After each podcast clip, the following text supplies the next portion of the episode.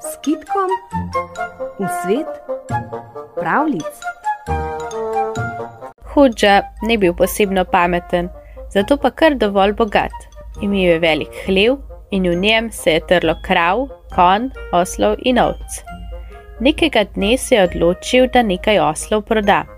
Stopil je v hlev, odbral jih je pet in jih odgnal na sejem.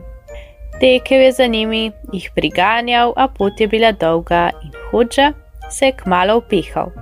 Pa je zajahal zadnjega, da si malo oddahne.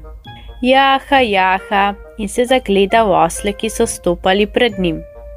Čakaj, čakaj, saj so le še štirje, eden se je izgubil. Vrš nazaj, da ga poiščem. Skočil je z osla, stekel par korakov nazaj potem pa jih je vendar preštel še enkrat. En, dva, tri, štiri, pet. Hm, lepa reč, zdaj jih je pet. Kdaj se je vrnil? se je čudil hoča. Veselo je stopil za njimi in spet zajahal tistega zadnjega.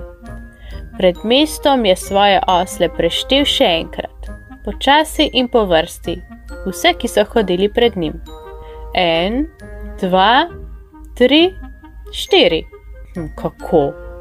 En, dva, tri, štiri. Hoča ni mogel verjeti. Enega že spet ni bilo nikjer. Skočil je z osla, da bi ga poiskal. Takrat pa je ob poti zagledal svitega Petra. Reci, zviti Peter, koliko je oslov? Dokler hodim, jih je pet, ko sedem v sedlo, pa pred sabo vidim le še štiri. Zviti Peter se je zasmejal. Ej, hoča, oslov je šest, le da ima eden samo dve nogi.